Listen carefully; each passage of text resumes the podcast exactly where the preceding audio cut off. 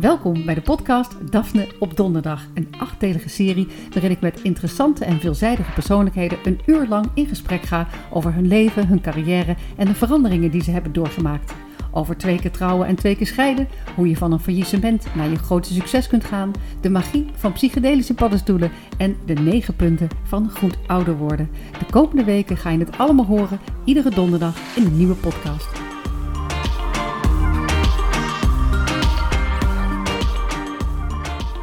Welkom bij de podcast Daphne op donderdag. Ik ben Daphne Dekkers en vandaag is bij mij te gast een vrouw die zichzelf wel eens een echte glossy tijger heeft genoemd omdat ze in haar carrière aan maar liefst zeven glossies redactionele leiding heeft gegeven. Ze is het schoolvoorbeeld van een energieke en creatieve vijftiger, schrijver van het lifestyle wandelboek Liefhebster van wijn, rode lipstick en buiten zwemmen op alle dagen van het jaar. Ja, ook in de winter. Welkom in mijn schrijfhuisje, hoofdredacteur van Nouveau, Claudia Straatmans. Dankjewel Daphne voor de uitnodiging. Ik vind het een eer om met jou te mogen werken. Nou. Want wij werken al meer dan 25 jaar met elkaar. Ja, dus, uh, ik zat het ook terug te rekenen dat ik dacht, jeetje, wij kennen elkaar eigenlijk best wel lang. Ja, ik heb jou denk ik in 1994 voor het eerst geïnterviewd. Toen was ik tikkend redacteur bij de Yes, een tijdschrift voor leuke jonge meiden dat helaas niet meer bestaat. Maar mijn allereerste interview was met jou. Ik weet het nog goed, we zaten in de Holiday Inn. De holiday. En ik probeerde jou te interviewen waarschijnlijk. Je had toen net dat boek uit, Mijn leven als fotomodel. Daar was het voor. En ik probeerde jou toen te interviewen en ik werd continu, we werden continu geïnterrumpeerd door een of andere man die helemaal fan van jou was. Ik weet en niet. Ja, en continu naar jou toe kwam en zei: Ja, en ik heb een aannemersbedrijf en we hebben je gevraagd om een avond te hosten en bladibla. Nou, hij was vol bewondering voor jou, terwijl ik alleen maar dacht: Mijn stukje moet af. Mijn een aannemersbedrijf ook, wat een glamour. Ja. dat weet ik helemaal niet meer. Nou, ooit toen ik, um, uh, volgens mij zat ik toen, studeerde ik toen net of zo. Ik heb ooit meegedaan aan een modellenwedstrijd van de Yes. En zo is het ooit allemaal uh, aan het rollen gekomen. Een van mijn eerste producties was ook voor de Yes. Dus wel leuk dat ook mijn interview met jou toen ik jou leren kennen was ook al voor de Yes. Ja, voor de Yes. 1994, 1995. Nou, kortom, we gaan bijna al 30 jaar samen terug. Inderdaad, en nu zitten we hier samen in, uh, in Muidenberg. Ik noemde het net al even, de rode lipstick van Claudia. Dat is echt wel een beetje eh, ja, jouw signature look eigenlijk, hè? De rode lipstick. Ja, dat is, of eigenlijk dat was mijn signature look. Want uh, ik ben nu wat ouder. Ik word uh, over een maand 55. Mijn lippen worden ietsjes dunner. En ik kom erachter dat die rode lippenstift me eigenlijk niet meer zo flatteert. Echt? Ja, ik associeer echt? jou zo ja, met die rode ja, lippenstift. want ik herinner me ook nog... Uh, Tony Robbins had je daar ooit een keer over aangehaald. Change your state. Ja. Dus zei je, als ik dan rode lipstick opdoe voordat ik een belangrijke vergadering inga, dan is het bijna een soort oorlogskleuren. Wat ontzettend goed dat je dat nog weet. Ik heb zes jaar geleden ben ik inderdaad bij die conferentie van, uh, of dat symposium van Tony Robbins geweest. En al zijn one-liners zoals change your state in a heartbeat, dat, uh, dat zit nog steeds elke dag in mijn hoofd. Net zoals change your peer group. Als je niet vooruit komt in het leven en je hebt het gevoel je wordt uh, eigenlijk naar beneden gehaald door de mensen met wie je omgaat, change your peer group. Daag jezelf uit en ga dan inderdaad sluit, zoek aansluiting bij een groep mensen die je weer uh, weten uit te dagen en weten te motiveren. Dus grappig dat je het over Tony Robbins hebt, dan weliswaar in de rode lipsticklijn, maar uh, ja. Nou, ik moet eerlijk zeggen, als ik aan Tony Robbins denk, dan denk ik toch een beetje aan een, aan een commerciële figuur of zo.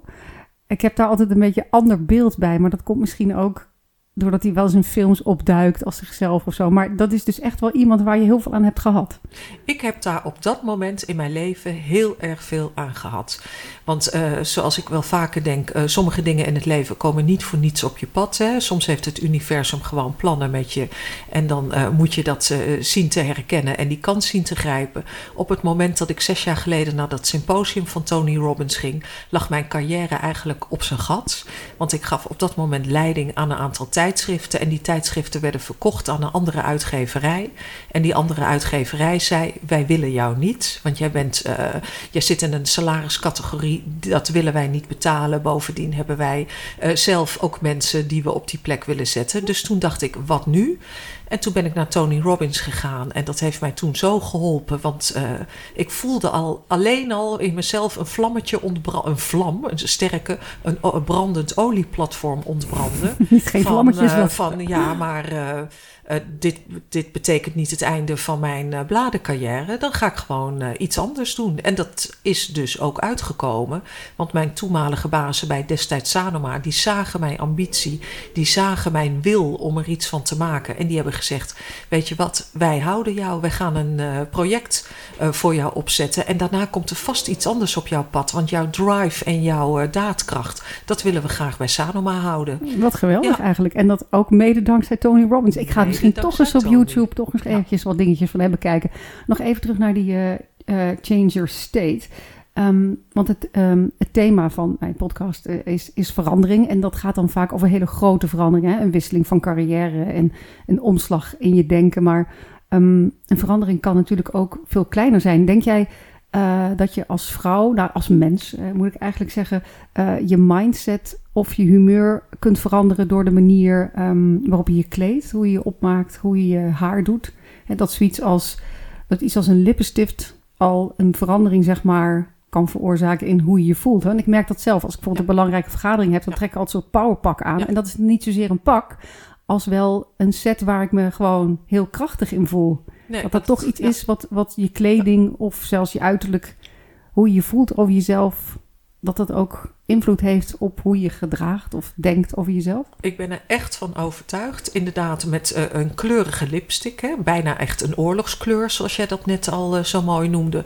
En met goede kleding uh, gebeurt er, denk ik, iets in je hersenen, in je brein. Wat doorcijpelt naar je hart. En waardoor je echt in je kracht en in je core komt te staan. Ja. Dus ik geloof het echt. Ik, als ik zelf naar een meeting zou moeten met belangrijke mensen, dan zou ik niet gaan zoals ik er nu uitzie. Namelijk heel casual. Hè? Dit is comfort over fashion. Gewoon een broek, uh, lage schoenen en een trui. Maar op het moment als ik een jurk aantrek, hakken aantrek en inderdaad mezelf opmaak met dan wel die rode lippenstift, dan ga ik op dat moment ook al rechter staan. Dus er gebeurt iets in je hersens. Daar hebben vast hele geleerde mensen voor uh, gestudeerd die dat precies kunnen uitleggen. Maar er gebeurt iets in je hersens waardoor, je, waardoor het inderdaad doorcijpelt naar je wilskracht in je lichaam. Toch vind ik het echt wel heel bijzonder. Want want uh, goed voor jezelf zorgen of uh, voor je lichaam zorgen. In Nederland is het al snel uh, oppervlakkig.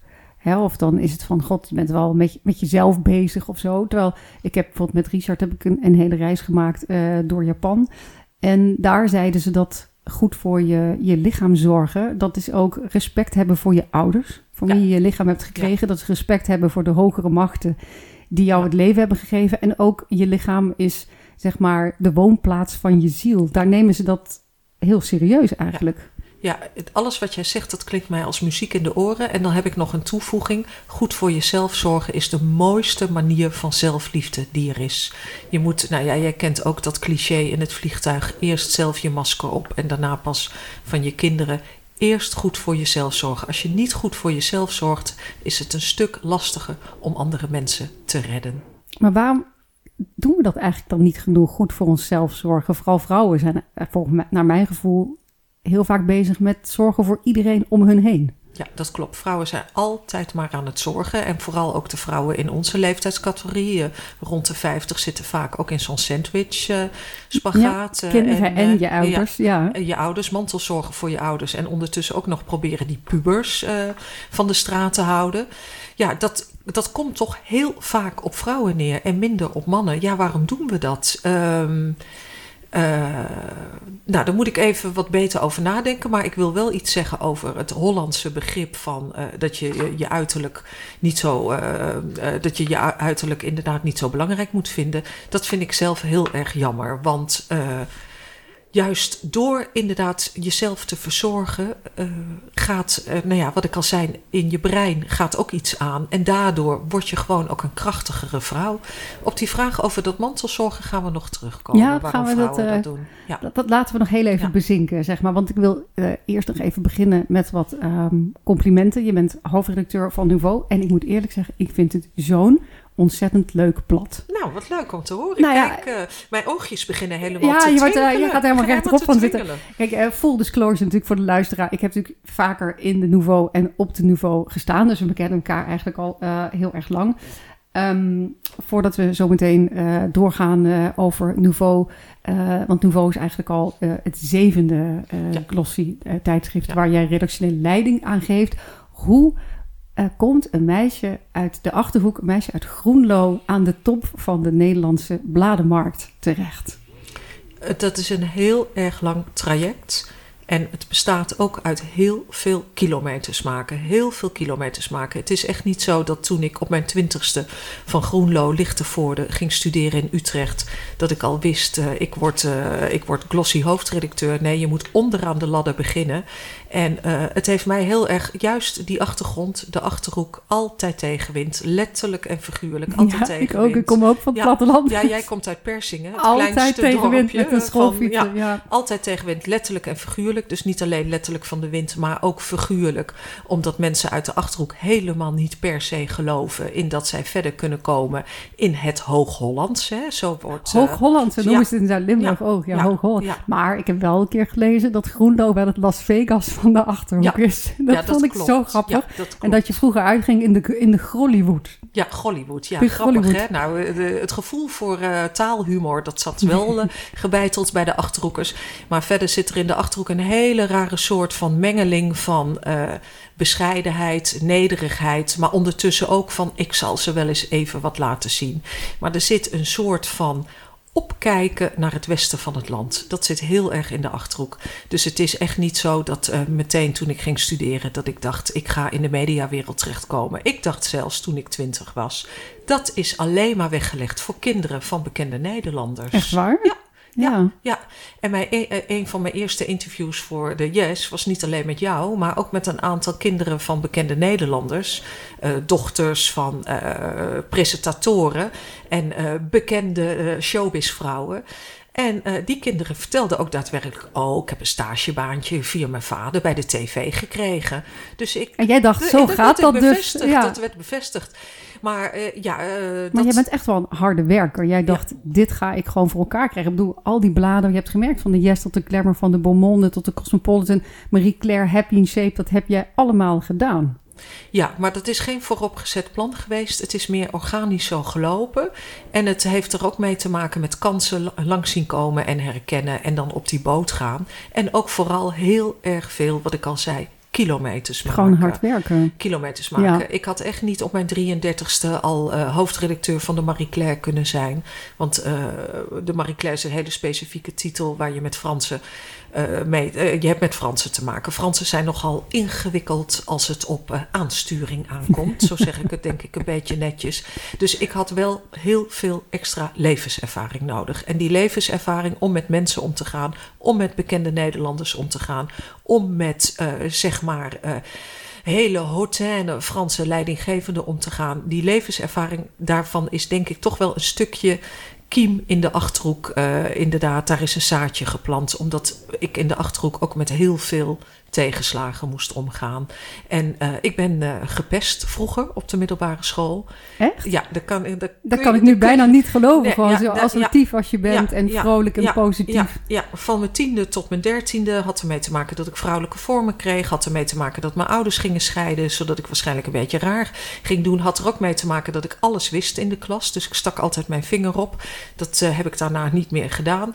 Maar in ieder geval, op een gegeven moment werd ik een soort van aangeschoten beeld. Uh, andere kinderen ruiken al dat er iets met je is. Wat is en dat, dat toch, hè? Ja, ja, voelen ze dan aan als een stel wilde dieren duiken ze dan daar op de aangebeten prooi. Ja, ja, Nee, dat klopt. En uh, ik kan nu denken, oh wat zielig of wat verdrietig of wat dan ook. Maar het heeft me wel iets gebracht. Het heeft me gebracht dat ik heel erg, uh, dat ik me niet per se heel uh, fijn voel in groepen. Dat ik het liefst even uit een groep ga staan. Om te aanschouwen hoe zit deze groep in elkaar. En is dit een groep die wil verscheuren? Of is dit een groep die veilig voelt? Je wil dat, eerst even ja, toeschouwer ja, zijn en het ja, op je in laten werken. God, wat werkt dat dat lang door dan eigenlijk hè, als je gepest wordt? Ja, maar dat heb ik nog steeds. Ook als ik, uh, want ik word nu natuurlijk nog steeds als hoofdredacteur Nouveau zijnde voor veel glamour-events uitgenodigd. Je bent dan, altijd met veel mensen. Ja, ja, en als ik daar dan ben, dan wil ik ook altijd eerst even rustig de kat uit de boom kijken. Hoe, wie zijn deze mensen? Hoe zit het in elkaar? En, uh, bij hoe, wie voel ik me veilig? Bij wie, veiligheid. Veiligheid is een heel erg belangrijk thema voor mij. Veiligheid en vertrouwen. Maar, uh, maar je praat vraag, er nu best wel ja, open over. Open over en ook best wel optimistisch overheen. Zeg maar, het, heb je het verwerkt? Of is het iets wat je eigenlijk in allerlei facetten nog met je meedraagt? Ik denk dat ik het nooit ga verwerken. Want uh, het is een gat in mijn ziel, maar het heeft me ook iets gebracht. Het is eigenlijk zoals een boom die een beetje uit het lood is komen te staan, mm -hmm. maar daardoor uh, een andere kant op is gegroeid naar de zon toe. Jij hebt hier in de tuin prachtige bomen staan. Ook bomen die niet rechtop staan, maar ook waarvan inderdaad de stro uh, hoe heet dat? De, de takken, denk ik, zo naar de zon reiken. Dat je denkt, wat een schoonheid zit daar in de top. Dat je niet eens meer ziet dat die boom niet meer helemaal loodrecht staat. Dat vind ik dat mooi. Een scheve ja. boom die op een andere manier naar de zon ja. is gegroeid. Ja. Dus zo heb jij dat voor jezelf een plek gegeven. Ja, en, en natuurlijk omdat het ook, toch ook heel fijn is om cognitief te beredeneren van, goh, wat heeft die lastige jeugd mij gebracht? Mm -hmm. Levert het ook wel weer een soort van voldoening op om te denken, het is ook niet, uh, dat, dat pesten is in ieder geval ergens goed voor geweest. Want je wil toch overal een betekenis aangeven dat het toch ergens goed voor is geweest. Ja, ja. het heeft je ook een empathisch mens gemaakt, denk ik.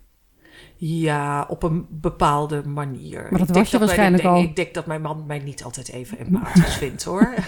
maar uh, het is niet zo dat ik de hele tijd alleen maar aansta en alle signalen van uh, mensen opvang die in de problemen zitten hele, helemaal niet. Of daar dan extreem voor wil zorgen. Maar um, je ziet in een groep wel veel eerder hoe uh, zeg maar de hazen lopen. Laat ja, jij hebt de lijnen door. Dat ja. je denkt, die kan niet met die. Ja. En daar is wat aan de hand. Ja. Jij voelt heel veel. Ja. ja. En wat natuurlijk ook zo is, ik ben inmiddels bijna 55. Dit ligt nu meer dan 40 jaar achter mij. In die 40 jaar heb je natuurlijk ook eelt op je ziel gekregen. Je hebt jezelf ontwikkeld. Je hebt ook een bepaald soort van anciëniteit. Ik bedoel alleen al hoe jij mij aanspreekt. Jij zegt, goh, je bent hoofdredacteur van zeven titels. Uh, dat, Enorm dat, cv. Ja, dat, dat, ik bedoel, dat zorgt ook voor een bepaald soort van respect bij mensen. Waardoor ze ook niet meer heel erg genegen zijn om je aan te vallen. Zal ik, uh, zal ik het zomaar zeggen. Heb je daarom zo hard gewerkt? Ik denk dat dat absoluut ermee te maken heeft. Absoluut. Om is, even is, van, ik zal jullie wel eens even laten zien. Ja. Ook uh, in de achterhoek is ook een adagium van uh, verbeel door maar niks. Dus, mm -hmm. uh, haal je maar niks ja, in je hoofd ja, natuurlijk. Ja, haal je niks in je hoofd. En dat heb jij niks. wel gedaan. Ja, dat heb ik wel gedaan. Ik denk absoluut, daar zit absoluut een drijfveer aan uh, oude klasgenoten. Van uh, moet je toch eens kijken, ik laat me niet door jullie klein krijgen. Ja, ja maar dan uit de vuilnisbelt zijn dan wel mooie dingen komen groeien eigenlijk. Absoluut. Dat, dat is ook een van de heel mooie gezegden, toch? Ook van uit Japan, dat zelfs op beton groeit. en lotusbloemen groeien uit de modder. Ja, en lotusbloemen groeien uit de modder. En jij vertelde een paar jaar geleden op een Nouveau-event ook een heel mooi verhaal over die ongelijke stenen in Japan. Dat het leven nooit perfect is. En dat je daar ook niet naar moet willen verlangen, naar perfectie. En dat juist die imperfectie het uh, zo mooi en zo boeiend maakt. Ja. ja. Wauw. Heb je um, goede herinneringen nog aan de achterhoek? Of heb je zoiets van daar hoef ik niet meer heen. Als je zeg maar in de buurt komt van waar je bent opgegroeid, denk je dan, mm, hier was het allemaal. Of kan je nu ook weer gewoon de schoonheid en overal van genieten? Ik, heb hele, uh, ik, uh, ik geniet heel erg van de achterhoek. Mijn moeder woont daar nog op een Mhm. mm -hmm. boerderij. En uh, de periode dat ik gepest werd was tussen mijn tiende en mijn dertiende. Dus ze zat voor een groot deel op de lagere school. Die me de meeste mensen van de lagere school zijn niet meegegaan naar de scholengemeenschap een dorp verderop. Dus dat scheelde al. En de mensen uit de brugklas zijn ook allemaal naar een, eh, een andere kant op gegaan. Ik heb eerst gewoon de HAVO gedaan, omdat ik hele, opeens helemaal niet meer zo slim en intelligent was. Waarschijnlijk ook door dat gepest en uh, gedoe thuis met scheidende ouders. Mijn klasgenoten zijn allemaal naar het Atheneum gegaan. Dus dat scheelde ook al. Toen ik in 2 HAVO kwam met andere type mensen, toen werd het al beter. Dus dat is het soms ook, hè? Change your uh, peer, peer group. group. Ja, daar is hij weer. Uh, daar is die weer. Van Ja. als je in een andere omgeving komt. En toen kreeg ik ook een hele leuke vriendin, mijn nichtje Corine Engelbarts. Want wij moesten allebei op dansles. Dat zat vroeger uh, in de opvoeding. dat in. zat in het pakket, hè? Ja, het zat in het pakket op je veertiende op dansles. Oh, nou, ik had niemand, Corine had niemand om mee te stijldansen. En toen hebben onze moeders bekokstoofd dat we met elkaar gingen. Wij vonden elkaar heel stom, vroeger als nichtjes zijnde. Maar op onze veertiende werden we dikke vriendinnen. En al op het moment dat je een hele goede vriendin krijgt, krijg je gewoon vleugels. Ja. Omdat iemand in je gelooft. Dat zijn die ja, pijlers onder je brug. Een soort zielsverwant heb je dan erbij. Ja. Want jij hebt dat met Nicole Ik heb dat met Nicole, ja. Die ken ik ook al zo lang. En Ja. eh, zegt, eh, ja, mensen vragen ook altijd, oh, zijn jullie zussen en zo? En dan denk ik van, ja, zo voelt het wel. Ja. Ja, het is heel belangrijk dat je dat soort vrouwen in je leven verzamelt. Nou, op naar Amsterdam. Want daar kwam je uiteindelijk terecht. eh, zeven glossy eh, titels. Eigenlijk voor al die titels heb ik gewerkt. Als model, Ja. later als mezelf. En, en eh, ik heb jou jaren geleden dus ontmoet bij de, bij de Yes. Maar we hebben natuurlijk veel gewerkt en interviews gedaan. Fotoshoots, van alles en nog wat. En zoals ik jou heb leren kennen, is echt... Jij bent voor mij een onvermoeibare promotor van nieuwe ideeën. je wat bent leuk. altijd bezig met wat kan ik nog meer? Wat kunnen we nog meer? Ehm, ik las ooit dat je in een interview zei: eh, Ik wil steeds iets nieuws opzetten, want ik ben geen type om op de Ja, winkel te passen. Klopt. Van waar jouw hang naar vernieuwing en verandering? Ik denk dat het ook met me- het type mens te maken heeft wat ik ben. Hè. Je hebt van die eh, psychologische modellen die je kunt uitzoeken. En dan ben ik geloof ik... eh, ik heb vorig jaar trouwens nog zoiets gedaan. Dat heette, even denken, hoe heette dat ook alweer? Dat was toen heel erg in.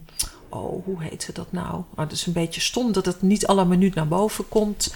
Eh, dat, is ook een, dat was een soort van systeem. En eh, iemand heeft ook mijzelf, of, eh, mijn geboortedatum helemaal door de mangel gehaald. En die zei: Jij bent van eh, huis uit ben jij een emotionele generator. Dus jij bent het persoonlijkheidstype, een emotionele generator. Ik kom zo wel weer op de naam van hoe. dat- Dat was vorig jaar opeens heel erg populair. Nu hoor je er niemand meer over. Maar dat ik een emotionele generator ben, dat, eh, zo ben ik gebakken. Dat her- ben ik daar gebakken. herken je jezelf ook Ja, in. En dat is eigenlijk een dynamo. Dat is een dynamo. Iemand die Ja. anderen ook energie geeft. Nou, ik hoop dat ik anderen energie geef. Ik ben natuurlijk geen eh, enorme leider die voor de troepen uitgaat. Dat, dat ben ik niet. Maar ik ben wel, denk ik, iemand die binnen die troepen inderdaad eh, anderen eh, toch motiveert om ook door te zetten. En misschien zit daar dan ook toch ook wel weer een, iets van vroeger in omdat ik zelf heb geleerd door door te zetten dat ik verder ben gekomen. Tegen de klippen ja, op. tegen ja. de klippen op. Ja. Wat maakt jou tot een goede hoofdredacteur dan? Ik, eh, of ik, eh, dat, eh, ten eerste moet je dat aan mijn redactie vragen. maar als ik even naar onze losse verkoop- en abonneecijfers kijk, denk ik dat ik het best aardig doe. Ik ben een meewerkend voorman. Ik schrijf heel erg mee, ik denk mee, ik visualiseer mee. Ik zie heel snel, ook weer door al die vlieguren natuurlijk, of iets werkt of niet werkt. En eh, ik denk dat eh, mijn team het heel fijn vindt dat ze een hoofdredacteur hebben die gewoon uit het vak komt Mhm. en eh, met de poten in de klei staat. Ja, niet iemand die van boven aanstuurt, Ja. maar die midden Ja. tussen de mensen staat eigenlijk. Ja. Is het ehm, tegenwoordig moeilijker om een blad te verkopen? Er is zoveel aanbod. En we leiden met z'n allen een infobesitas. Weet je, je kan Oh overal alles vinden, lezen, doen. Maar met Nouveau gaat het gewoon heel goed. Ja, het is een stuk moeilijker om een blad te verkopen. Dat gezegd hebben, de Nouveau heeft natuurlijk de mazzel, of je het mazzel kunt noemen. Het is ook een bewuste strategie van ons geweest om ons te richten op 50 plus. En 50 plus is nog steeds traditioneel de grootste printkoper die er is. Dus we hebben veel trouwe abonnees. Daarbij hebben we ook vijf jaar geleden de switch gemaakt naar online. Van tevoren werd er gezegd toen ik bij Nouveau kwam van eh, eh, jullie lezeressen zitten helemaal niet online. En toen dacht ik, hoe kan Nou, dat wat nou? onzin. Al die Ja. oma's zitten ook op Facebook. Maar niet eens alleen Ja. oma's. Het Ja. wordt altijd gedaan alsof online iets voor jonge mensen is. Maar Steve Jobs zelf was 40 toen hij de iPhone introduceerde. Weet je wel, eh, mensen die boven de 40, boven de Ja. 50 zijn, die zitten juist online, toch? Ja, nee, dus kortom, ik heb gezegd: maakt niet uit, wij gaan online, want ik wil gewoon een 360 graden merk ervan maken. En uh, mijn uh, grote uh, icoon op online, in ieder geval het grote voorbeeld waarvan ik vind dat zij de brug slaat tussen aan de ene kant traditie, heritage en aan de andere kant hippigheid, is koningin Maxima. Want die komt ook uit een traditioneel instituut, maar laat uh, door haar luistaal wel zien dat ze inderdaad heel erg hedendaags uh, van deze tijd is. Je bent dus geïnspireerd door Maxima. Ik ben geïnspireerd door ik Maxima. Ik denk, nu komt Oprah. Ik dacht nee, dat je nee, Oprah nee, ging zeggen. Maxima. Dus uh, ik heb ook te tegen de online redacteur gezegd, we gaan vol op Maxima. Elke dag minimaal twee Maxima nieuwtjes. Waar is Maxima? wat doet wat, Maxima? Wat, wat, doet Maxima? Zodat we uiteindelijk kunnen zeggen, Nouveau uh, weet 24-7 wat Maxima aan het doen is. En dat heeft ons geen windeieren gelegd. Wat fascineert jou zo aan Maxima? Die, ik denk die... inderdaad, die journey die zij maakt, op een hele natuurlijke wijze, komt ze toch uit een conservatief. Ik bedoel, het Koningshuis, het Hof is conservatief met heel veel regels. En uh, daar heeft ze is zij, ervoor geboren, lijkt het zij, wel. Ze is ervoor geboren. En als je ook kijkt naar haar eerste kledingen. Ik bedoel, haar allereerste public appearance was geloof ik toen... Uh, nee, sterker, dat weet ik zeker. Was toen ze een boompje ging planten op de Keukenhof. Toen had ze een heel erg degelijk blauw mantelpakje aan. Nou, ik was helemaal teleurgesteld. Maar ik dacht, dat doet ze volgens mij om zich in het begin aan te passen. Zodat ze daarna inderdaad haar grenzen kan oprekken. En dat zie ik haar telkens doen. Dus wel binnen het betamelijke, maar ondertussen wel jezelf vernieuwen en ontwikkelen. Ik vind haar echt wel uh, een soort modevoorbeeld ja. van een 50-plusser ja. die zichzelf uh, wel heel goed weet te kleden. En heel goed weet te verzorgen. Want ik kan ook echt met afgunst kijken naar haar bovenarmen. Jij hebt trouwens ook waanzinnige bovenarmen, Daphne. Maar jij en Maxima hebben de mooiste bovenarmen van Nederland. Samen met Michelle Obama hebben jullie de mooiste bovenarmen van de wereld. Dus Maxima heeft volgens mij op een gegeven moment ook uh, ingezien of bedacht, of in ieder geval, uh, dat is ze gaan omarmen van ik ga sporten. Ik ja, ga mijn, als ik veel moet zwaaien met ja, korte mouwen, ja, precies, dan precies, moet ik iets aan die bovenarmen doen. Ze heeft volgens mij ook haar voedingsplan aangepast. Nou, sterker, dat weet ik zeker dat ze haar voedingsplan heeft aangepast. En daardoor zie je gewoon dat ze veel fitter oogt, veel meer een toned lichaam heeft. En daardoor ook eigenlijk vieren en trotsen rechtop staat. En gewoon blijft werken. En gewoon blijft werken. Ja, ja. dat vind ik eigenlijk ook wel bijzonder. Ja. Dat je gewoon je, een baan blijft doen ja. en je blijft inzetten voor alles en iedereen. Dus jij bent nogal pro-monarchie, uh, begrijp ik. Nou, ik ben niet per se pro-monarchie. Ik je bent ben, pro-Maxima. Nou, ik ben pro uh, mensen die er iets van willen maken. En ik heb het idee dat Maxima er iets van wil maken. En uh, daarnaast is zij natuurlijk gewoon een ontzettend mooie ambassadeur voor ons land. En dat uh, is heel akelig dat ik dit nu zeg, want koning Willem-Alexander is de ambassadeur. Maar hij is wel heel slim geweest om het beste accessoire van de wereld zich toe te eigenen. Het lijkt wel of ze ervoor geboren is, ja. denk ik altijd. Het lijkt wel of ja. ze nooit anders heeft gedaan. Het was gewoon, ja onontkomelijk dat zij. Nee, een ander woord is het onontkomelijk dat zij later koningin zou worden. Zo. Zij doet dat op een ongelooflijk naturelle manier. Zo ontzettend natuurlijk. En terwijl wij met elkaar zitten te praten, denk ik: Goh, wij waren eigenlijk samen ooit nog eens onderdeel van Prinsjesdag, hè, op een een of andere manier. Ik heb vier jaar geleden met jou, uh, toen jij gasthoofdredacteur Nouveau was, een shoot gedaan met Laurentien, met prinses Laurentien. Die vind ik ook zo pand, leuk. Ja, in mm. het pand van prinses Laurentien. En weet je nog dat wij daar stonden en dat Laurentien toen nog uh, van, uh, van de koets van Prinsjesdag vandaan moest komen? Want die had net een half uur, ja, ja. rechtstreeks, die had net een half uur daarvoor staan zwaaien op een balkon. En een half uur later stond ze met jou met die witte pakken bij haar in de tuin te wandelen ja. en te praten. Zij is een heel no-nonsense Ja. type. Ze heeft me ooit gevraagd om ambassadeur te worden van haar stichting eh, Lezen en Schrijven. Ja. En eh, toen ben ik met haar gaan lunchen en toen dacht ik, wat is dit een ongelooflijk intrigerende, intelligente vrouw die ook Ja. hele duidelijke doelen heeft eh, in haar leven. Ja. het doel van de Nouveau, als ik even een bruggetje mag maken, is ook heel duidelijk. Hè? Dat is de 40, 50 plus vrouw. Ehm, dat is natuurlijk eigenlijk een schot in de roos, aangezien de helft van Nederland boven de 50 is. Ja, demografisch is inderdaad meer dan de helft van Nederland 50 jaar en ouder. In de media zie je dat alleen veel minder terug. Dat verandert nu gelukkig wel een beetje. Maar vijf jaar geleden, toen ik hoofdredacteur Nouveau werd, zes jaar geleden, heb ik al gezegd: ik, mijn missie is een niet aflatende missie om de 50-plus vrouw in de hoofdrol te zetten. Want waarom zou je kop eraf moeten na je 50ste? Waarom zou je niet meer op tv mogen? Waarom zou je niet meer interessant zijn? Ja, vrouwen dan, Ja, hè? Voor en mannen geldt dan. het helemaal Nee, niet. klopt. Vrouwen die verouderen zeg maar in hondenjaren en mannen blijven gewoon eh, zichzelf. Dat vind ik, heb ik altijd heel apart gevonden.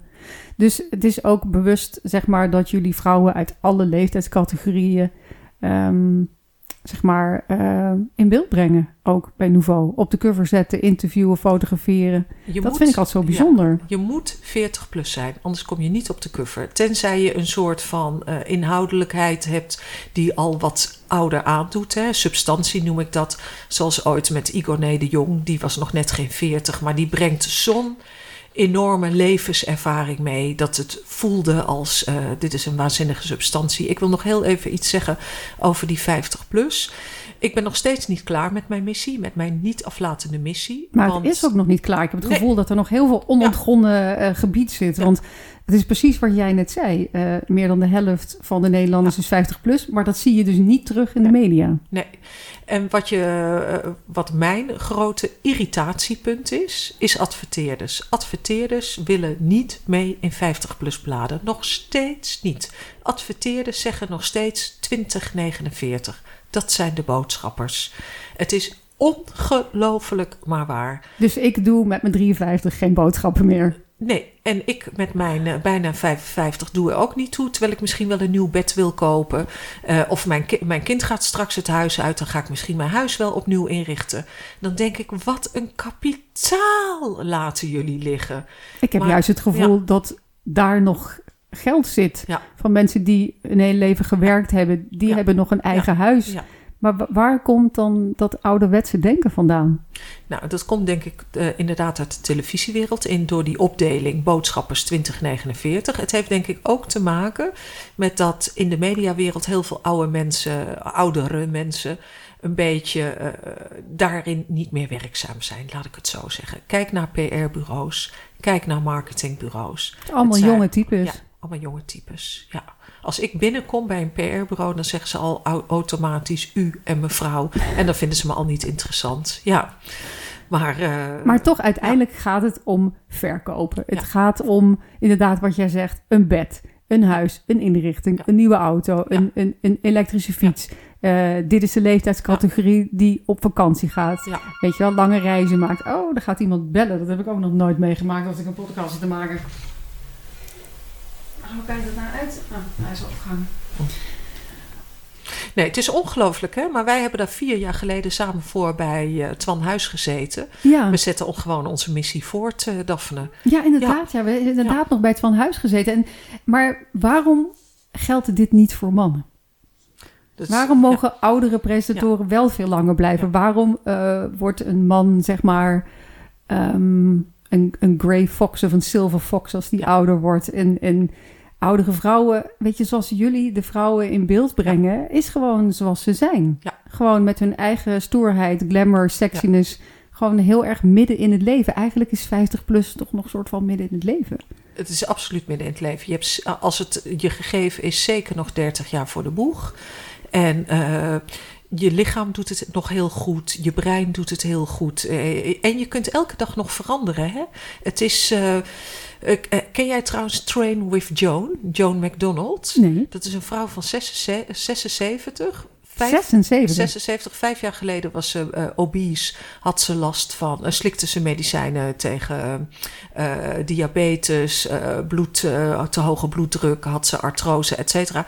En zij dreigde het niet meer heel lang te maken. Haar dochter was toevallig personal trainer en die zei: Mama, ik wil jou heel graag bij me houden. Ga alsjeblieft iets doen. Dus Joan, kijk naar de filmpjes van Train with Joan. Joan is het levende bewijs dat je ook na je zeventigste je lichaam nog kunt veranderen. En als je je lichaam lichaam verandert, verander je ook je brein. Want het doet gewoon iets met je als je zuurstof binnenkrijgt. Ja, Dat weet jij ook. Jij zweert ook bij eh, bewegen. lekker naar buiten. Ja, lekker naar buiten. Maar goed, we dwalen af, want we hebben het over 50 plus. Jij hebt. Nou ja, het, ligt allemaal in elkaars verlengde, Ja. weet je. Het is, het is daarom vind ik, eh, ehm, eh, de- hoe heet ook, de- die website van Wies vind ik ook zo leuk. Blow. Blow, beetje leuk ouder worden. Dat, Waarom zou het niet kunnen? Weet je? Ja. Dat, dat, ehm, wat zou er moeten gebeuren voordat marketingmensen gaan begrijpen dat daar nog gewoon een heleboel consumenten zitten die ook gewoon nog meedoen? Ik denk nog meer leuke rolmodellen laten zien. Jij bent al een heel goed rolmodel. Je hebt in Nederland sowieso, vind ik, hele leuke, mooie vrouwen die laten zien dat het leven opeens helemaal anders kan. Ik was net toevallig bij een lunch met Carolien Tensen. Ik zag Angela Groothuizen weer zitten. Die is 62. Die is op haar 62ste op Tinder gegaan.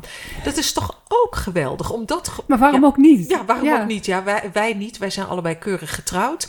Maar Angela zegt ook van... joh, er gaat de wereld voor me open... en waarom zou ik het niet mogen Ja, doen? de seks houdt toch niet op? Nee. De liefde houdt niet op? Niks houdt op eigenlijk. Maar het wordt je als vrouw soms wel het gevoel gegeven van nou, nu houdt het allemaal op. Ja. Nee, maar ik denk dat jij en ik het beste voorbeeld zijn van eh, door blijven stromen. Hè. Stilstaand water gaat rotten. Door blijven stromen. Want letterlijk en figuurlijk in beweging blijven. Dat houdt je, eh, dat houdt je hoofd, je hersens en eh, je lichaam gewoon heel goed. En, en lekker dynamisch. Ja, nieuwe eerste keren ook. Kijk, Ja. als je jong bent, zijn er heel veel eerste keren. Ja. Je hebt je eerste Ja. verkering, je eerste baantje, je eerste diploma, je eerste auto, je eerste keer seks, je eerste baby, je eerste alles. En dan als je ouder wordt, dan ga je soms denken, hm, waar zijn mijn eerste keren gebleven? Maar die eerste keren kan je natuurlijk ook Ja. maken. Je kan op je zeventigste nog gewoon gaan fitnessen.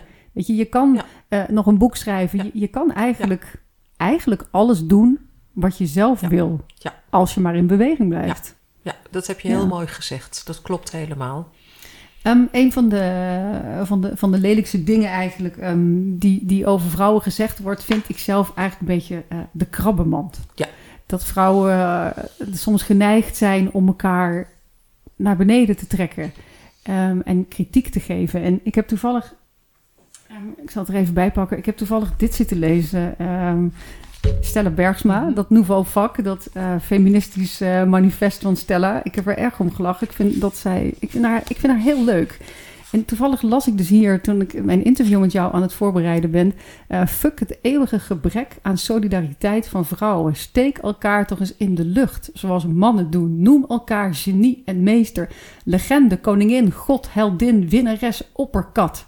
En als je al kritiek op een vrouw hebt omdat je haar niet wil betuttelen, heb dan ook echt inhoudelijke kritiek in plaats van gezeur over haar seksen of haar uiterlijk. En toen ik dat las, toen dacht ik dat is eigenlijk precies wat jij doet met Nouveau. Vrouwen heldin noemen, vrouwen Ja. op het schild hijsen, vrouwen van alle leeftijdscategorieën in het zonnetje zetten. Daphne, denk je nu we zo zitten te psycholo eh, psychologiseren met elkaar, denk je niet dat het dan toch de bron ligt in dat gepeste verleden van mij, tussen mijn tiende en mijn dertiende, dat ik dacht, wat mij is overkomen, dat wil ik anderen niet aandoen. Ik Ja. wil niet anderen afkatten. Ik ben afgekat, dat heeft me gewoon zo ontzettend geraakt. Het eh, is nog steeds dat gat in de ziel. Misschien ligt, daar, ligt dat er wel aan ten grondslag.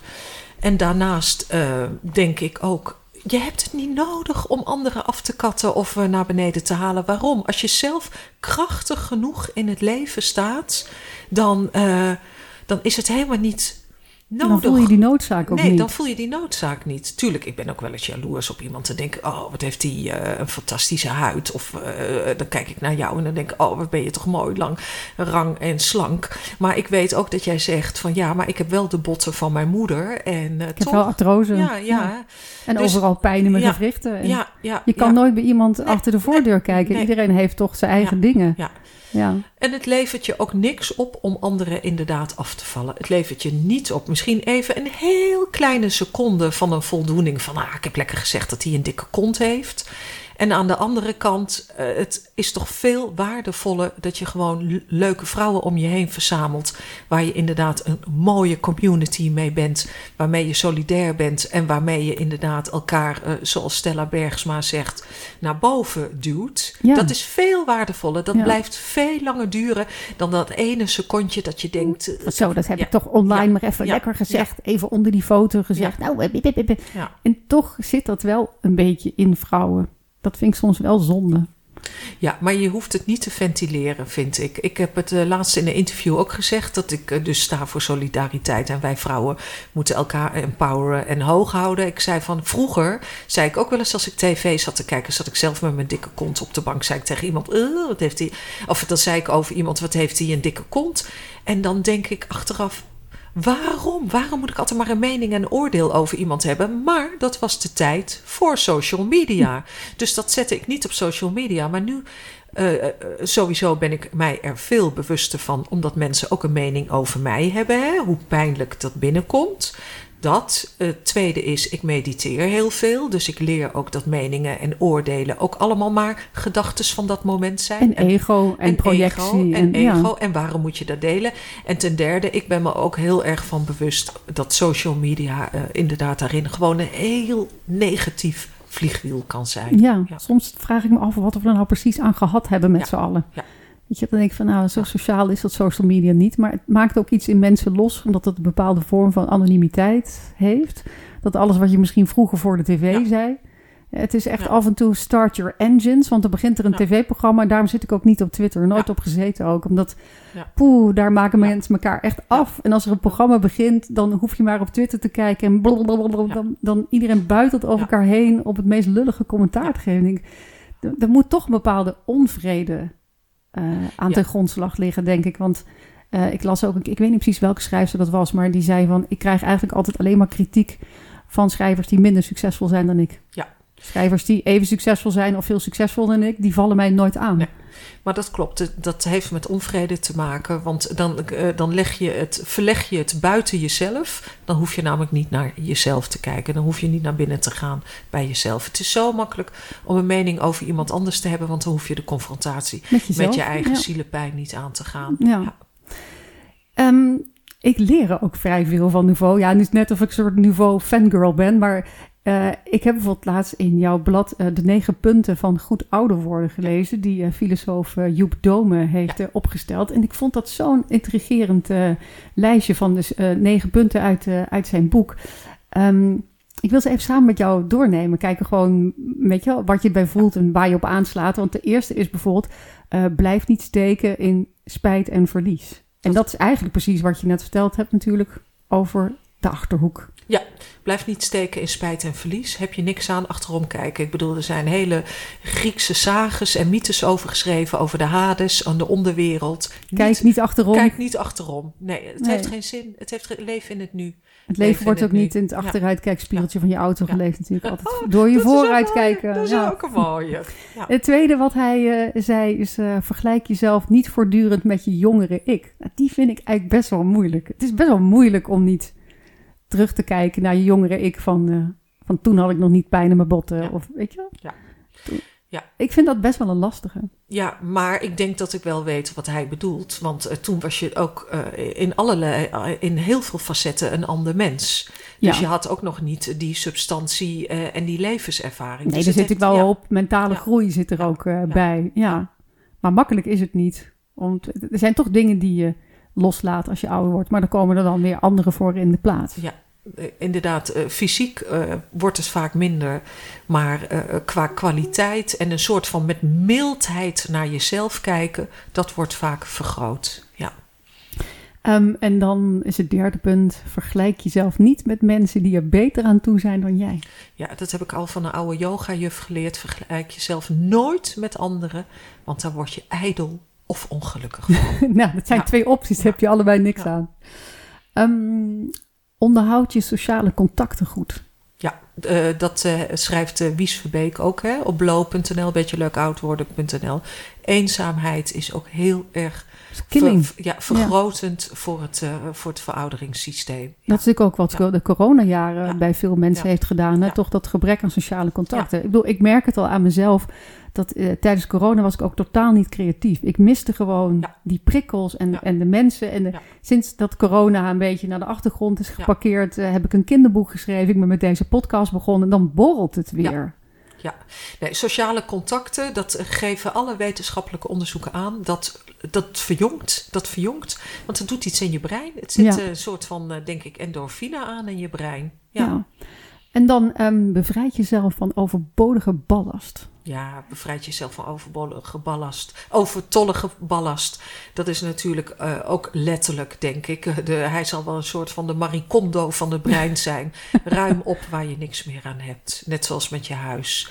Want als je dat dicht laat slibben, dan uh, gaat de energie ook weg. Ja, ik heb ook wel gemerkt dat hoe ouder ik word, sommige mensen ben je gewoon een hele tijd van je levenspad ben je samen opgelopen. En op een gegeven moment verlies je gewoon bepaalde mensen ja. uit het oog. Dan, ik weet niet, sommige mensen waar ik heel lang heel goed mee omgegaan ben, op een gegeven moment realiseer ik me dan, oh, we zijn toch een andere kant op gegaan. En niet dat ze dan ballast zijn, maar ja, je blijft wel groeien, denk ik. Ja, ja maar dat, dat heb je altijd in het leven, dat je soms een inderdaad een andere kant op gaat. Aan de andere kant is het ook heel waardevol. Hè? Want ik lees ook in heel veel damesbladen. Goh, ik ben uh, uh, mijn vriendschap met een vriendin van de middelbare school. Uh, daar ben ik eigenlijk uitgegroeid. moet ik niet heel hardnekkig de, verkeer, de, de vriendschap uitmaken. En dan zeg, lees je ook dat deskundigen zeggen. Speel het niet zo hard. Het is wel iemand die jouw geschiedenis kent. Die jouw verleden kent. En dat ja. is heel waardevol. En je hoeft er echt niet elke week mee af te spreken. Maar het is wel wel heel waardevol om een soort, nou dan hebben we het weer over die boom, om wortels te hebben in de bodem. Hè? In de ja. bodem van mensen die jou eigenlijk al heel erg lang kennen. Ja. Dus inderdaad, als we het dan over Joep Dome hebben met uh, de, de ballast, hè, uh, weet in ieder geval wel ga ook niet te ruksigloos te werk. Doe, doe het à la Marie Kondo. Does it give a spark of joy? Ja, inderdaad. Ja. Je hoeft niet ja. meteen alle takken af te zagen. Ja. En zoek een nieuwe oriëntatie. Dat uh, heb ik zelf heel erg gemerkt. Ik ben nu zes jaar hoofdredacteur van Nouveau. Uh, ik dacht uh, van, ik heb, moet mezelf inderdaad gaande houden. Wat ga ik doen? Nou, mijn grootste hobby is wandelen.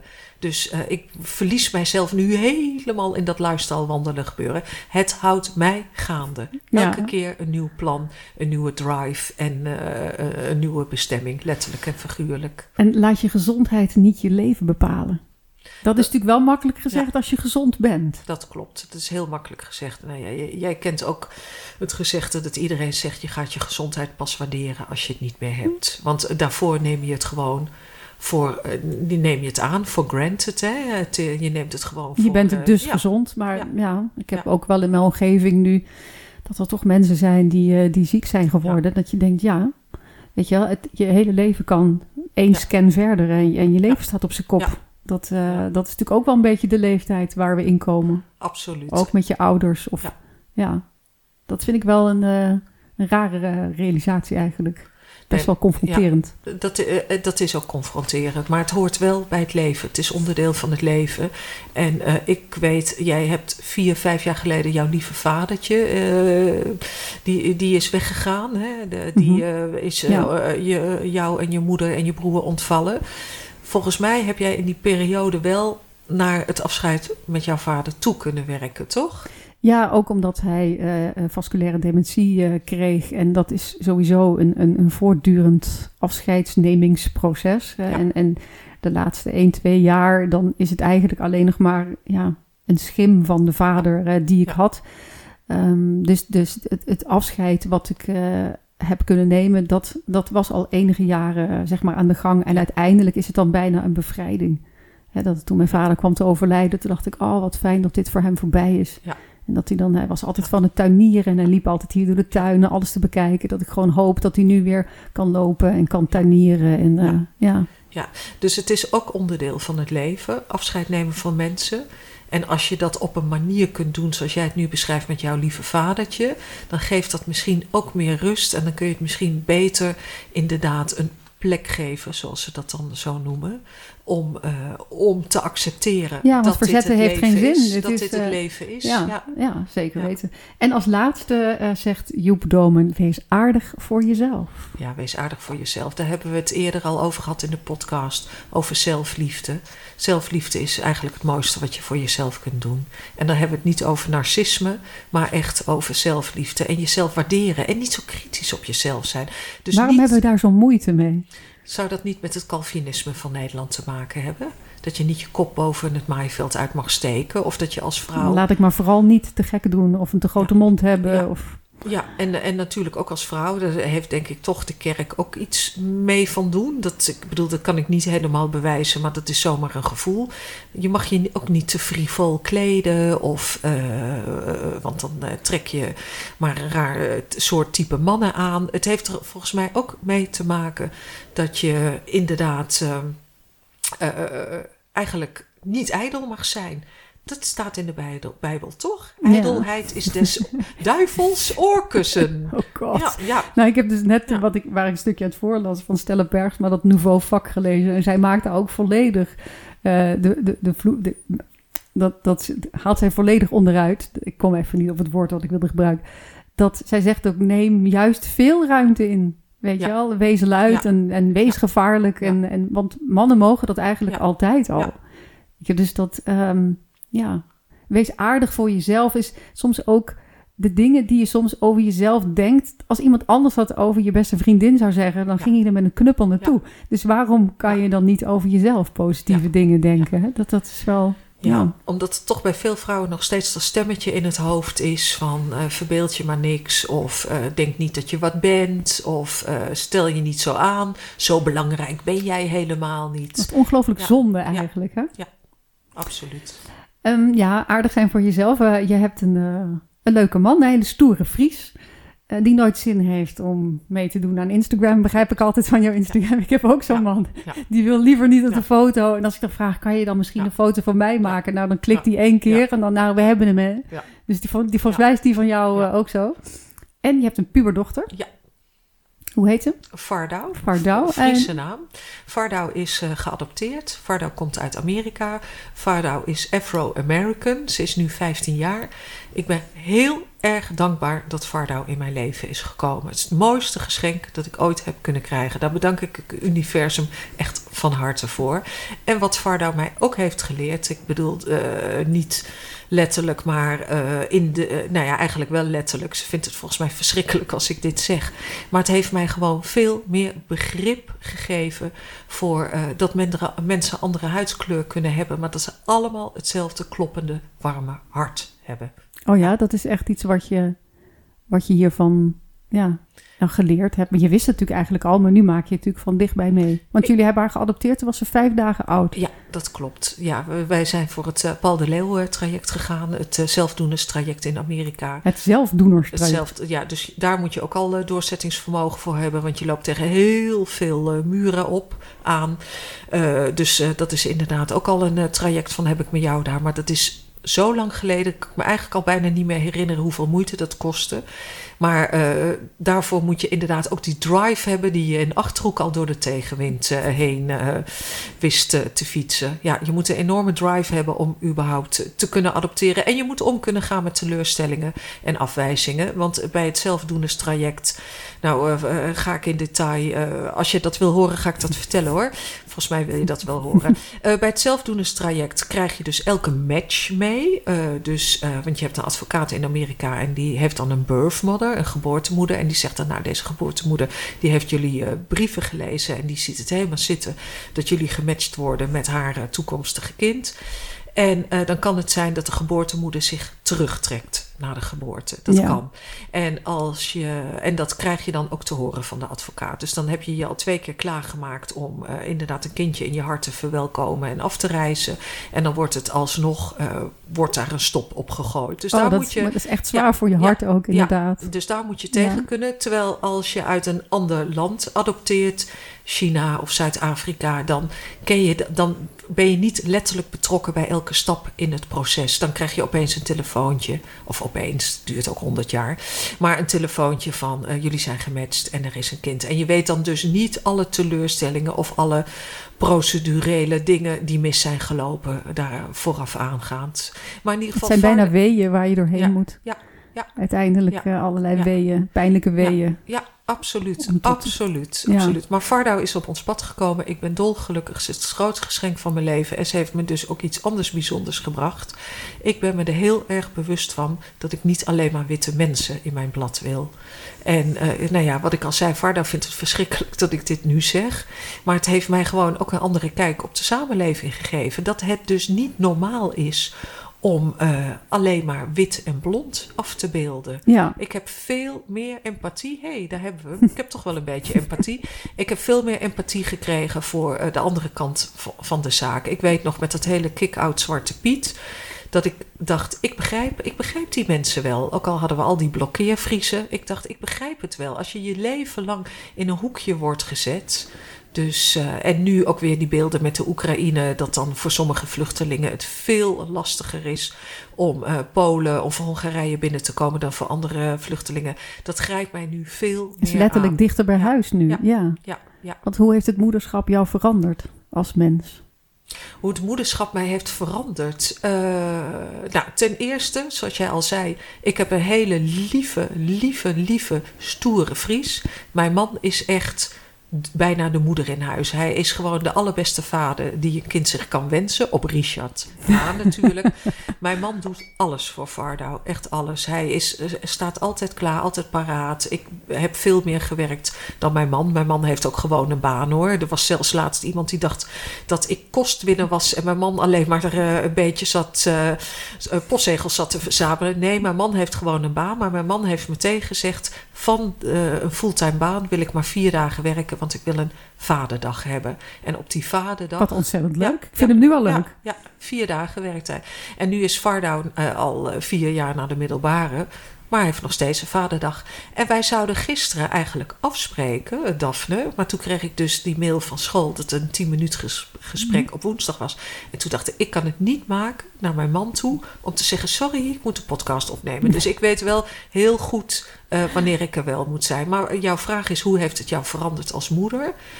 Nou ja, er is gewoon een enorme brok uh, liefde bijgekomen. Ja. Enorme brok liefde. Ik heb zelf ja, altijd het ja. gevoel dat mijn hart uit mijn lichaam is gehaald... en dat er armpjes en beentjes aan zijn gemaakt. Het is, Ik vind het bijna niet uit te leggen. Het is niet uit te leggen. Het is Iemand die je te laatste adem zou geven. Ja. Ja. Ja. Nee, ik, uh, mijn, mijn dochter is mijn allergrootste geluk. Ze is mijn hart... Ze, ze, is mijn hart, mijn ziel, uh, mijn alles. Maar ze is nu ook in de puberleeftijd. Is en is ze dan nog aardig voor je? Want ik heb uit eigen ervaring ja. weet ik dat het dan even van de rails loopt, zeg maar. Ja, ja. Uh, nou, op momenten. Uh, op sommige momenten is ze heel aardig. En op sommige momenten is ze... Uh, mama, doe niet zo stom. Of, maar in ieder geval op de momenten dat wij... Want wij maken samen ook moeder-dochter-trips. We zijn vorig jaar een keer naar Venetië geweest. We zijn naar Parijs geweest. Dan is ze heel aardig. Maar dat komt omdat dan moet ik ook even mee die winkel in. en even de creditcard trekken. Ja, hey, ja. bent ook HB'er van Ja. halen en betalen. Ja, ja. Ja, ik heb dat als een. Ik heb ons hele leuke kinderen, vind ik zelf. Um, en ik had zo'n goede band met ze op de lagere school. Dat ik dacht, pff, die puberteit, Ja. daar zeilen wij Ja, doorheen. ja. Nou, het is me toch een storm geworden met allebei. Dat ik echt dacht, jeetje, wie zijn dit? Wat is mij overkomen? En uh, nu ik er achteraf op terugkijk, denk ik, nou, ik had er wel wat losser mee om kunnen gaan. Weet je, je moet het gewoon loslaten. Het is de bedoeling Ja. dat ze zich van je Ja. losscheuren. Alleen op dat moment denk je alleen maar van, nou, ze hebben alleen maar kritiek op me. Ik kon het woord hoezo, kon ik Oh niet meer hoezo? horen. Dan kwam eh, Emma bijvoorbeeld terug uit school en zei, hey, schat, hoe was het op school? Hoezo? Oh ja. Dat, Dacht ik had, hoezo? Wat is er gebeurd met alle leuke verhalen waar ze mee thuis kwamen? Op een gegeven moment word je een soort van een buitenstaander word je in hun leven. En je wordt eigenlijk een beetje eruit gekiept. Ja, Varda zegt ook letterlijk tegen mij: Mama, ik ga het jou niet vertellen, want jij vertelt alles door aan jouw vriendin. dat komt Ja, nog in de podcast ja, ook. Ja, ja. En nu komt ze ook nog in de podcast. Oh, en, en laatst stond ik in badpak in de Telegraaf. Ze zegt: Dat mag niemand zien. Ik schaam me dood voor jou. Zo'n oude vrouw in een badpak. Nou, nou, nou, nou. Nou, ik had op mijn veertigste eigen lingerielijn. Ja. Als ze dan mijn vriendjes thuis kwamen, dan lag ik dus in de folder op die mat. Nou, dat vonden mijn kinderen echt iets van, nou, zullen we dat even lekker niet doen. Ik las een, ehm, een, een, een column van jou over adoptie, eh, zeg maar, ehm, waarin je zei, als mij wordt gevraagd, ehm, wat weet je van de echte moeder? Dan zeg ik altijd alles, want dat ben ik. Ja. Ja. Dat vond ik eigenlijk wel een heel Ja. mooi antwoord. Een bijzonder antwoord ook. Ja, want eh, ik heb toch nog steeds het gevoel dat ik mij moet verdedigen. Omdat ik een eh, eh, geadopteerd kind heb. Terwijl, nou ja, ze echt mijn dochter is. Mijn dochter. Ja, Ja. ja. ik, kan, ik, ik kan dit echt niet, ik kan dit bijna niet uitleggen, Daphne. Nu komen we bijna op een heel emotioneel niveau. Maar het is mijn dochter. Op Ik- zielsniveau is Ja. het gewoon jouw dochter. Ja. Dus jij weet alles van de moeder. Ja. Ja. Ik, ehm, ik zeg ook wel eens tegen mijn dochter, en dan zegt ze: "Eh, Mama, dat weet ik wel. Ik gebruik namelijk heel vaak die uitspraak van Connie Breukhoven: van Je bent in mijn hartje geboren, zeg ik dan altijd. Niet in mijn buik, maar in mijn hart geboren. Je komt uit mijn buik. En dan zeg ik ook altijd: Het universum heeft ons voor elkaar bedacht. Nou, dat vond ze de laatste jaren ook heel stom. Maar, maar, met de kerst deden we cadeautjes. En wat kreeg ik van haar? Een hele grote poster. Met hoe de sterren op 22 oktober 2006 boven Fort Lauderdale stonden. Dat was namelijk de nacht dat ze geboren is. Hoe de sterren stonden met als tekst erbij: The Day We Met. Dus eh, toen dacht ik, nou, ze heeft wel naar mij geluisterd. Ik met heb dat helemaal kippenvel universum. ervan. Ja, prachtig. ja, het stond trouwens als datum 25, eh, sorry, 27 oktober, want toen hebben we elkaar ontmoet. Zij is 22 oktober geboren en 27 oktober is ze in onze armen gelegd. Dat is Ja. dan toch wel prachtig, hè, voor zo'n puber. Dan denk je, ze luisteren nooit, ze pikken niks op, maar ze, ze horen het allemaal. Ze slaan het op in hun hart. Laten we het over een wijntje hebben. Mommy's Little Helper, zeggen ze soms Ja. hè, in, eh, in Amerika over een wijntje. Je houdt van een wijntje, je mag ook graag met je vriendinnen aan de vino eh, gaan. Ehm, maar ik lees ook geregeld dat je dan probeert te matigen. Ja. Want je had bijvoorbeeld een personal trainer, Stijntje, die had een afstreepkaart van Ja. 24 dagen. En dat zag jij ook wel zitten. Dus per jaar Ja. een afstreep. Je mag dus twee keer drinken per maand. Ja, dat klopt. Nou moet ik wel zeggen dat Stijntje in één maand al door de hele bingo kaart heen was hoor. Ja. Ook Stijntje Ja, ja. valt wel eens van de wagen af. Nee, eh, eh, mensen denken dat ik heel gezond ben, dat ik heel sportief ben, dat ik heel gematigd ben, dat ik heel goed weet wat goed is voor mijn hoofd en voor mijn lichaam. Maar ik moet echt bekennen dat ik een lichte champagneverslaving heb. En daar probeer ik van af, te- van af te komen, omdat ik zelf, ik vind het zelf ook vervelend. Het- Champagne nog wel ook. nou, ik heb ge- eh, gewoon een CAO-salaris als hoofdredacteur. Dus ik eh, maak daar sect van, de Duitse sect. Maar in ieder geval schuimwijn. Eh, ik, ik geef eigenlijk helemaal niet zo. Ik geef helemaal niks om sterke drank. Hou ik helemaal niet van. Wijn vind ik prima, maar hoef ik ook niet per se te drinken. Maar als mousserende iemand wijn? als inderdaad een bruiswijn heeft, ja, dan ga ik los. En dat is dan een controle-ding eh, waar ik mee aan het waar ik mee aan het werk ben. Een, Ja. een, een doorlopend proces is Ja, dat. een doorlopend proces. En aan de andere kant maakt me dat natuurlijk ook wel humble. Want dan snap ik veel beter al die eh, mensen die in processen zitten van andere eh, verslavingen. Ja, Ja. Seks, Ho- hoe zou het, eh, drugs. Ik heb, nog nooit drugs gedaan. Echt nog nooit. Nee, Hoef ik ook niet. maar wel ik- lekker wijntje. Ja. ja. Hoe zou het komen dat toch best wel wat vrouwen toch net altijd iets te veel drinken? Het heeft er toch ook mee te maken dat je heel gecontroleerd eh, je leven inricht. En door dat wijntje laat je even de controle Als een soort ventiel. Ja. Ja.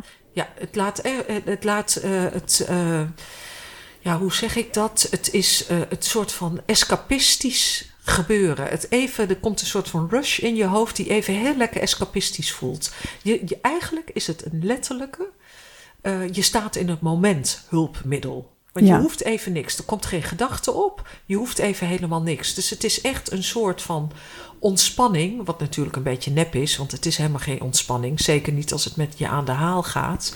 Maar heel even dat ene moment dat die schuimwijn inderdaad je, je hersens inknalt. Dat is bijna gewoon een orgastisch gevoel. Kan, kan het niet anders benoemen.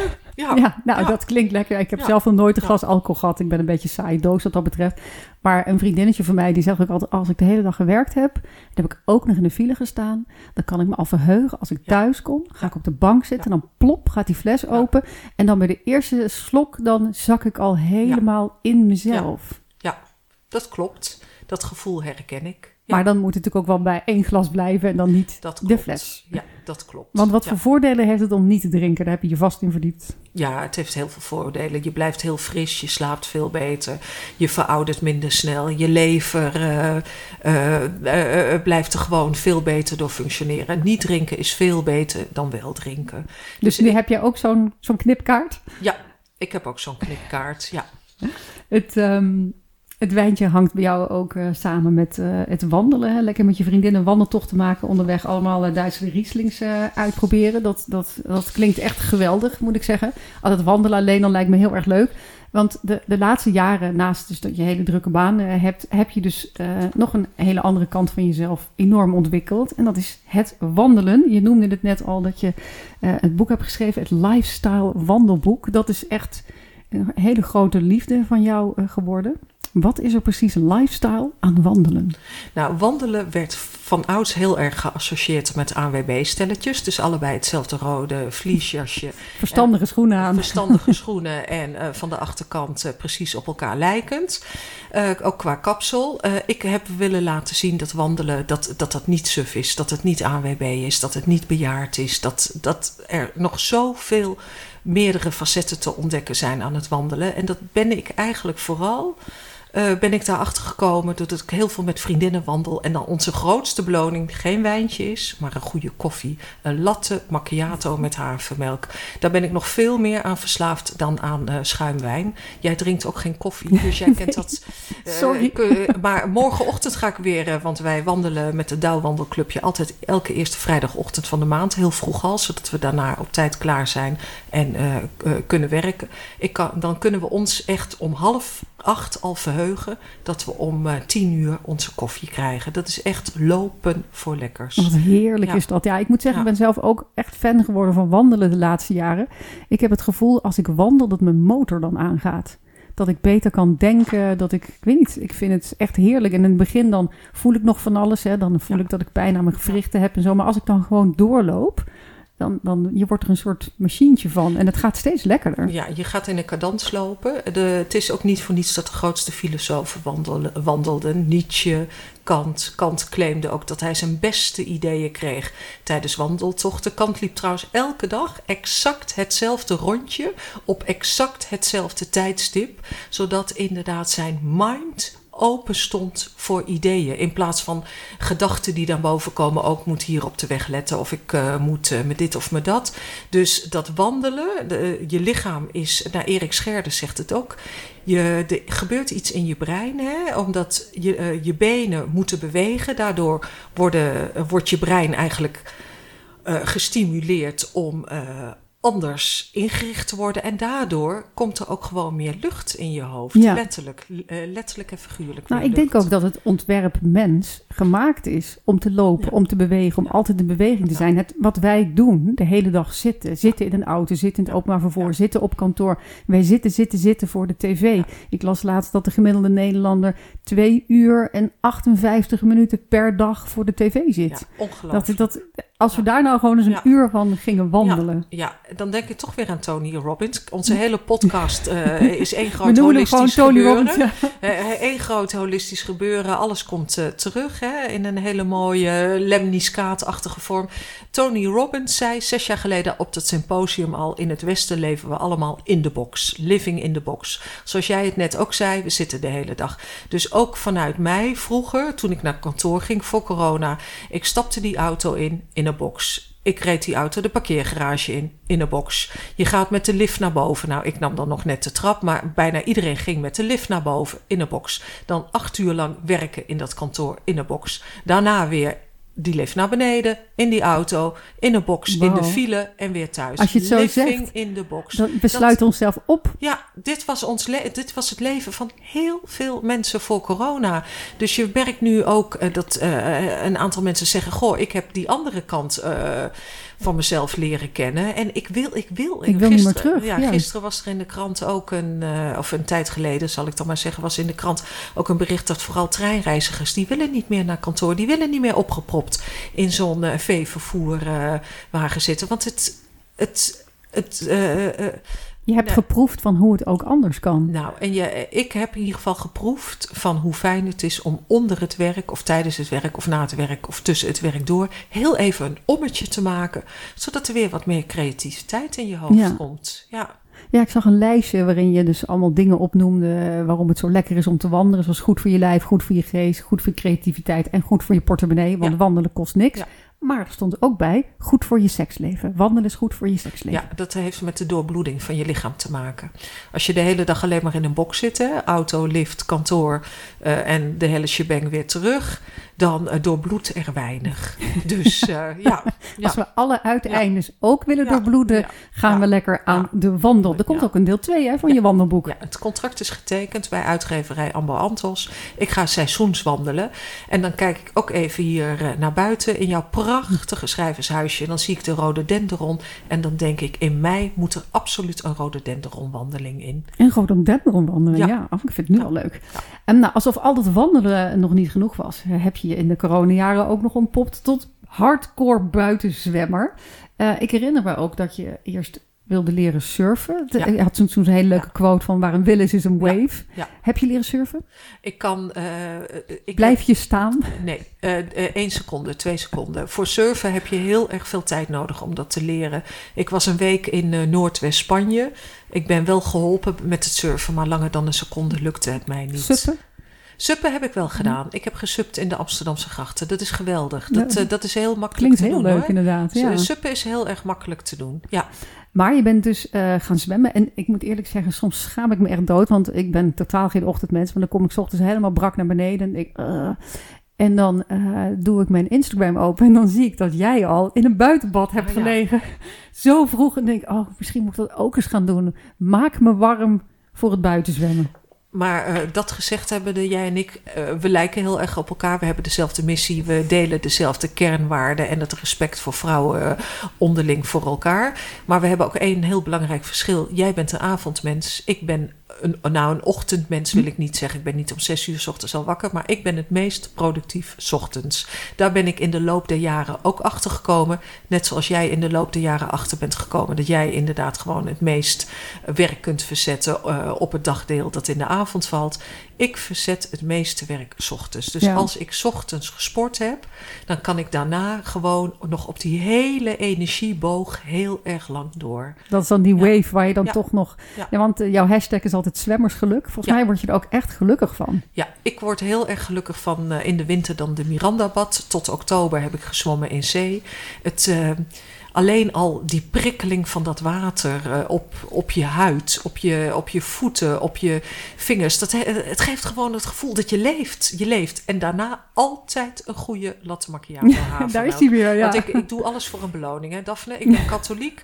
jij, eh, jij bent opgegroeid in Persingen. Je ouders komen uit Limburg. Ik weet Ja. eigenlijk helemaal niet of jij katholiek bent opgevoed. Nee, mijn ouders waren niet gelovig. Nee. Maar hun hele Ja. familie wel. Ja. Ja. Nou, ik ben wel katholiek opgevoed, eh communie, vormsel, noem het allemaal maar op. En ik weet dus ook heel goed dat begrip penitentiepunten.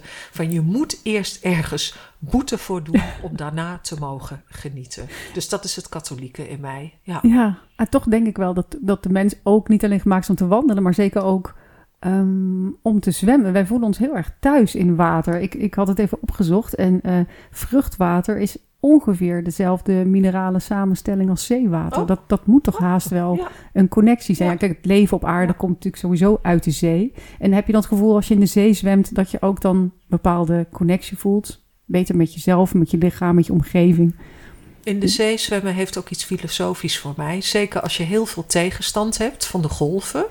En, ook heel, eh, en als je een hele sterke stroming hebt. Hè, je hebt soms eh, in, de, eh, in de zee, als het heel erg stormt, dat je aan de onderkant heel erg wordt weggetrokken. Die onderstroom, dat, ja. Die onderstroom, dat is eigenlijk doodeng. Maar dan weet je, eigenlijk zoals een filosofische levensles. Je moet je mee laten gaan. Je moet er niet tegenin proberen te gaan, want dan ga je verliezen. Dan ga je kracht op verliezen. Mee terug laten gaan. En dan heel even, als het rustiger wordt, weer mee naar voren gaan. Dus het, de, de zee en de golven leren je ook heel veel over het leven. Dat het dus helemaal geen zin heeft om ergens enorm tegen te vechten. Te, te vechten tegen de bierkaai, want daar loop je op stuk. Je moet meegaan op de natuurlijke ritmes, want dan herwin je je kracht weer. Wat mooi. Ik las ook dat Joke uh, Hermsen had gezegd: Ik ga zwemmen om te kunnen nadenken. Oh ja. Mooi, heel mooi. Er is trouwens nu een heel mooi boekje uit bij Lebowski. En dat heet, dat heet volgens mij zwem, nee, het heet geen zwemmersgeluk. Heb ik gelezen. In NRC ja, was ja, daar een, heel stuk over inderdaad. Over de geschiedenis van het Nederlandse zwemmen. Maar het is ook best wel uh, filosofisch. Nee, een ander boekje bij oh. uh, Lebowski. Heel even opzoeken snel hoe het heet. Het heet iets van zwemmen. Even kijken. Uh, Lebowski. Nou, in ieder geval een mooi boekje van een uh, club, een Amerikaans-Japanse uh, schrijfster. Oh. Die uh, schrijft over een clubje mensen die zwemt en die zich in het water gewoon even helemaal leeftijdsloos en tijdloos voelen. Want dat doet water ook met je. Ja. Je bent echt even helemaal van de wereld. Het houdt je drijvende. Ja, het houdt je letterlijk drijvende. Ja, ja, ik moest wel lachen dat je laatst ook op je Instagram zei van... Oh, je, als ik nu tickets heb gescoord voor Miranda-bad, dan voel ik me eigenlijk nog net zo blij als dat ik vroeger Ja. tickets had gescoord Ja. voor een, eh, voor een Ja. grote modeshow. Ja, ja, ja, dat was in de tijd eh, van de lockdown. Toen waren alle sportscholen dicht. Dus heel, eh, bijna het hele land ging naar de Mirandabad. Maar vooral al die snelle zwemmers die trainden bij de swimgym. Die eh, namen dat hele Mirandabad over. Dus dat was opeens paniek. Een hot ticket Ja, gewoon. een hot ticket. Ja, de golden ticket van eh, Willy Wonka. Ja. Maar dan in het Ja. bad. Is eh, Claudia Straatmans een gelukkig mens? Nou, ik ben heel gelukkig met mijn man. Ik ben heel gelukkig met mijn kind. En eh, ik ben heel erg gelukkig dat ik eh, over vier weken hopelijk 55 mag worden. En dat ik ben gekomen waar ik nu ben. Want als ik denk aan dat gepeste meisje van 10 jaar, dan ben ik ongelooflijk dankbaar dat het leven dit allemaal toch voor mij in petto heeft gehad. Ja, want mijn laatste ben. vraag Ja. eh, in mijn podcastserie is altijd... als je terug kon gaan in de tijd en je zou een jongere versie van jezelf kunnen aanspreken... wat zou je dan zeggen? Maar het ik- komt allemaal goed. Het Ja. komt allemaal goed. Het komt allemaal goed. Ja, wat heerlijk. Dankjewel, Claudia. dankjewel Daphne. Je luisterde naar de podcast Daphne op donderdag in gesprek met Claudia Straatmans. Haar lifestyle wandelboek met 50 wandelingen is te koop bij de boekhandel. En voor mode, beauty en lifestyle voor 40-plussers? Kijk op de website nouveau.nl. Wil je meer van mij lezen? Ik heb net een nieuwe bundel uit met 75 columns. Hij heet De zorgen zijn voor morgen. Klik ook even op de volgbutton, dan blijf je op de hoogte. Want volgende week is er weer een nieuwe Daphne op donderdag. Tot dan!